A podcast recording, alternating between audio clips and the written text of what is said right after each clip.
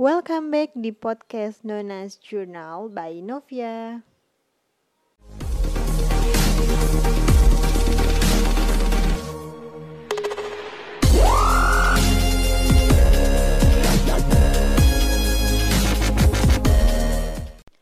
Assalamualaikum warahmatullahi wabarakatuh.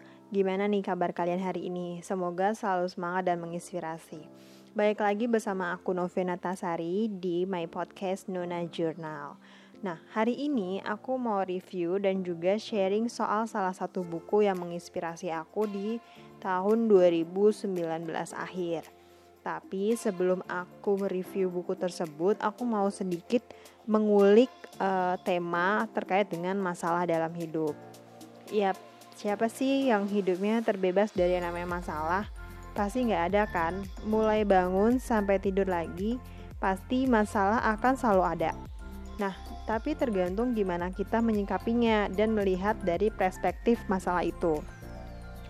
Beberapa dari kita justru menganggap bahwa masalah itu adalah suatu hal yang wajar, tapi ada juga yang menjadikan masalah adalah beban. Misalnya, ketika di jalan kita tersandung di depan rum di depan umum, kita merasa malu takut kalau diketawain lah atau pikiran negatif lainnya tuh uh, masuk di isi kepala kita.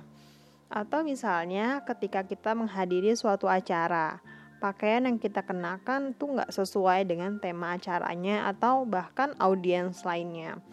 Atau bahkan ketika kita lahir tidak sempurna, kita merasa berbeda, kita merasa uh, apa ya kayak ngerasa nggak pantas lah gitu intinya kita lupa bahwa setiap orang itu nobody perfect nah kira-kira kau bisa nebak nggak buku apa yang mau aku review ayo kira-kira apa ya Ya, benar banget. Aku baru aja selesai baca buku yang berjudul Jangan Membuat Masalah Kecil Jadi Masalah Besar, karya Richard Carlson. Dalam buku ini terdapat cara atau kiat-kiat mudah untuk mencegah masalah kecil yang mengganggu hidup kita. Dalam buku karangan Richard ini ada satu cara atau kiat yang diulas dan sangat amat simpel untuk diaplikasikan um, ketika atau saat kita menghadapi sebuah problem atau masalah. Oh ya, BTW buku ini diterbitkan oleh PT Gramedia Pustaka Utama loh. Dilihat dari cover, aku suka banget dengan perpaduan warna kuning dan hitam. Mungkin karena aku emang suka dengan dua warna tersebut ya. Beda gitu dari buku lainnya menurut aku, karena ini lebih eye-catching. Nah, sebelum cek bagian daftar isi, biasanya aku selalu baca dulu sinopsis ceritanya yang ada di uh, bagian belakang dari buku. Nah, menurutku ketika aku baca sinopsisnya itu menarik banget di sinopsis buku ini ada tulisan banyak hal dalam hidup ini yang sebenarnya hanya masalah kecil, tapi kita memperlakukannya sebagai masalah besar. Lalu buku ini mengklaim bahwa memiliki gaya tulisan yang mudah dipahami.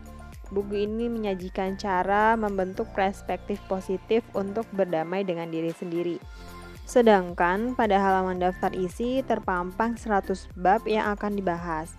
Menurut aku ini seperti kesimpulan singkat yang harus kita aplikasikan dalam hidup. Tapi yang gak harus seluruhnya kita langsung aplikasiin. Kita bisa mencoba secara belahan untuk mengaplikasiin isi dari buku ini. Seenggaknya dalam menghadapi masalah kita bisa merasa lebih tenang.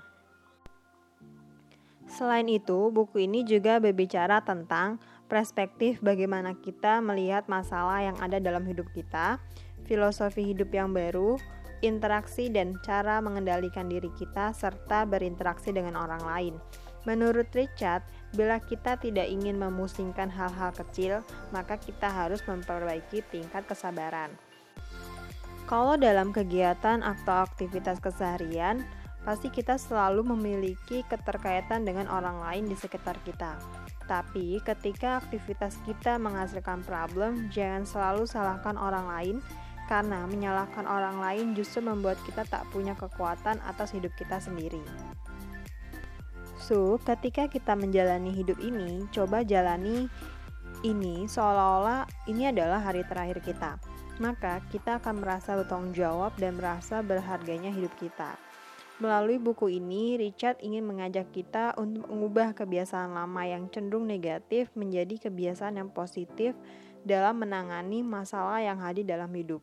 Dengan membentuk perspektif baru bahwa masalah yang hadir dalam hidup kita hanyalah masalah kecil yang harus segera diselesaikan dengan lebih cepat dan tenang. Ketika kita merasa tenang, dalam menyelesaikan masalah, kita akan mempunyai lebih banyak waktu untuk memikirkan hal-hal besar yang harus dipikirkan. Berikut salah satu strategi dari 100 strategi yang dipaparkan oleh Richard dalam bukunya, yakni berdamailah dengan ketidaksempurnaan. Pada strategi ini, kita diajak untuk menerima apa yang ada pada diri kita. Ketika apa yang kita terima tidaklah sempurna dengan yang dimiliki orang lain, kita diminta untuk selalu bersyukur. Jangan merasa kurang, karena pada dasarnya setiap orang nobody perfect.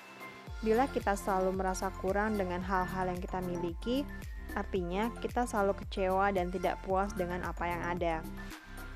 Misalnya aja ketika di lingkungan pertemanan kita tidak sempurna dibandingkan dengan teman-teman kita. Jangan pernah merasa minder. Bersyukur dan menerima kondisi adalah keputusan terbaik dibandingkan dengan membenci kekurangan itu atau membandingkan dengan orang lain. Karena pada dasarnya di balik kekurangan ada kelebihan yang harus kita munculkan. Dalam strategi ini menjabarkan tentang cara pemecah, pemecahan ketika kita merasa tidak sempurna. Lepaskan diri kita sebelum terperangkap dalam tingkah laku memaksakan sesuatu yang menurut kita lebih baik daripada yang sudah ada. Ingatlah hidup yang kita jalani akan baik-baik saja sebagaimana mestinya. Ketika Anda berhasil untuk menghilangkan rasa ingin sempurna, maka Anda akan merasakan dan menemukan keindahan dalam hidup Anda. Buat teman-teman, selalu semangat buat menjalani hidup, jangan pernah putus asa, karena setiap orang pasti punya masalah. Yang terpenting adalah selalu bersyukur, karena dengan adanya masalah, kita bisa belajar dan mengambil hikmah dari hal tersebut. Thanks buat kamu yang sudah stay di episode ini. Kalau kamu mau kasih saran, kamu bisa DM ke Instagram aku di @novianatasari, F-nya Evanta. And sampai jumpa di episode selanjutnya. Salam bahagia dan selalu semangat untuk mewarnai hidup. Wassalamualaikum warahmatullahi wabarakatuh.